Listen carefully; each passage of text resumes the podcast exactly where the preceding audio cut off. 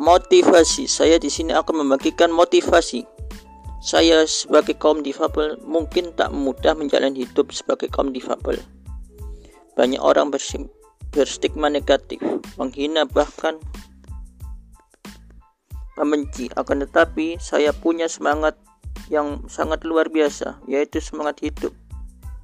Saya abaikan apa kata orang yang berkata negatif kepada saya, malah menjadi motivasi hidup saya untuk membuktikan diri saya bahwa saya mampu seperti halnya norm, orang normal kebanyakan.